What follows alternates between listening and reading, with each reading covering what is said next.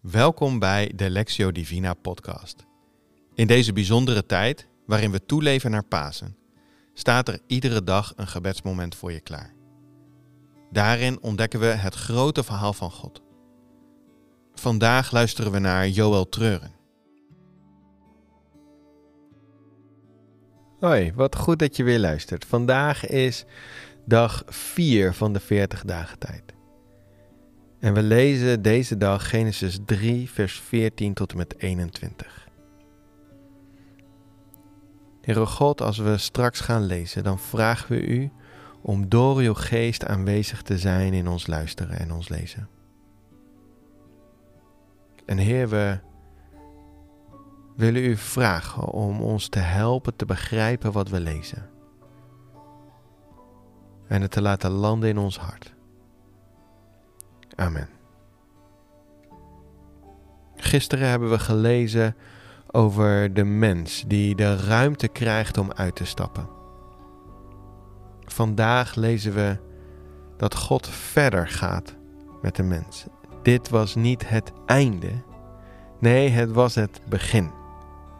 In Genesis 3 vanaf vers 14, daar lezen we: De Heer God zei tegen de slang: Vervloekt ben jij dat je dit hebt gedaan. Het vee zal je voortaan mijden. Wilde dieren wenden zich af.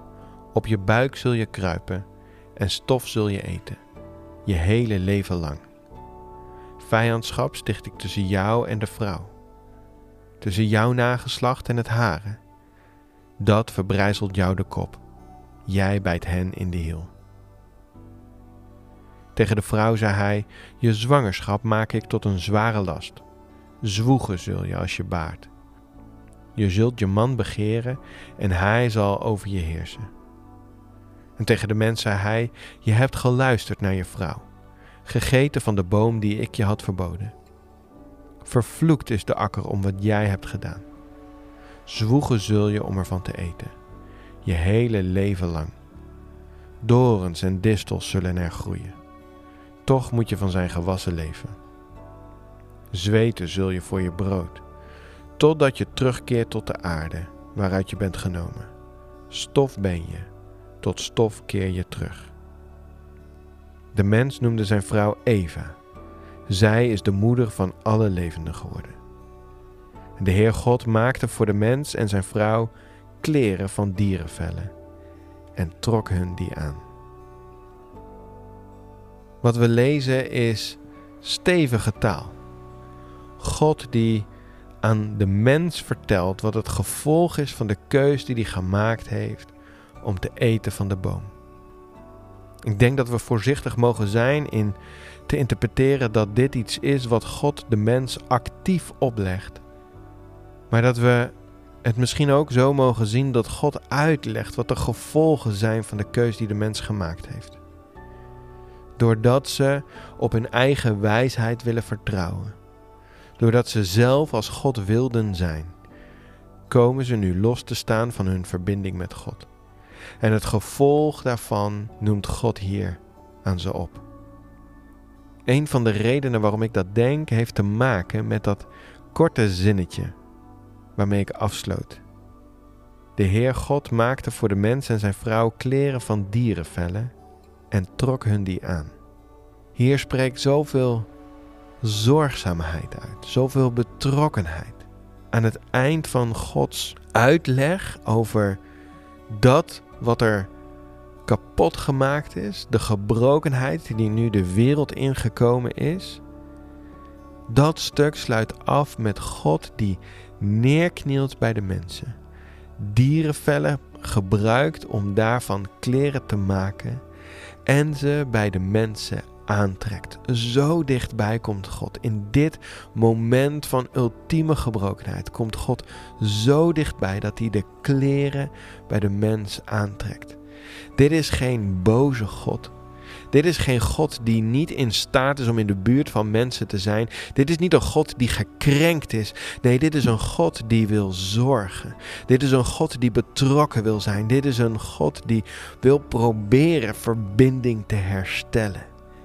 En dit is het begin van het herstel van de verbinding.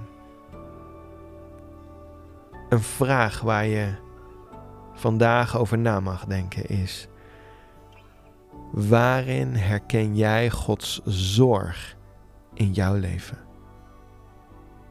En misschien is het mooi om de tijd te gebruiken het een en ander daarover op te schrijven. Het niet alleen maar door je gedachten te laten gaan en je dankbaarheid voor dit moment te laten vergroten, maar gewoon het even op te schrijven. Een aantal dingen die er meteen bij je boven komen. Waarin zie jij Gods zorg in jouw leven? Probeer ze eens op te schrijven en door de dag heen nog weer eens even terug te halen. Kijk er eens naar. Wat zijn de dingen die op het lijstje staan waarin jij Gods zorg in jouw leven herkent?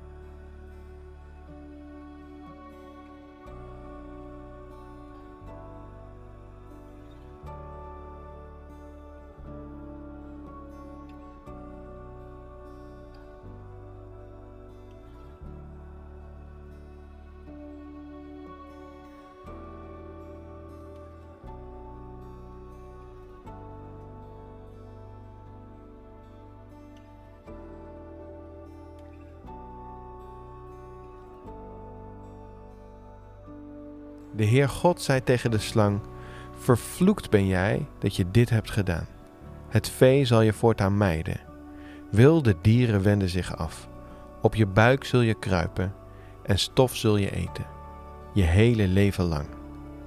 Vijandschap sticht ik tussen jou en de vrouw, tussen jouw nageslacht en het hare. Dat verbrijzelt jou de kop, jij bijt hen in de hiel. Tegen de vrouw zei hij: Je zwangerschap maak ik tot een zware last. Zwoegen zul je als je baart. Je zult je man begeren en hij zal over je heersen. En tegen de mens zei hij: Je hebt geluisterd naar je vrouw, gegeten van de boom die ik je had verboden. Vervloekt is de akker om wat jij hebt gedaan. Zwoegen zul je om ervan te eten, je hele leven lang. Dorens en distels zullen er groeien toch moet je van zijn gewassen leven. Zweten zul je voor je brood, totdat je terugkeert tot de aarde waaruit je bent genomen. Stof ben je, tot stof keer je terug. De mens noemde zijn vrouw Eva. Zij is de moeder van alle levenden geworden. De Heer God maakte voor de mens en zijn vrouw kleren van dierenvellen en trok hun die aan. Heer, wat is uw betrokkenheid op ons toch zo ontzettend groot. We danken u voor de zorg die u hebt in ons leven. We danken u voor uw betrokkenheid in ons leven. En dat uw betrokkenheid u niet koud laat, maar dat u uw betrokkenheid ook omzet in zorg. Heer, we willen u danken dat we ons aan u mogen vastklampen en dat we mogen ontdekken dat u een betrouwbare en zorgzame God bent. In Jezus' naam. Amen.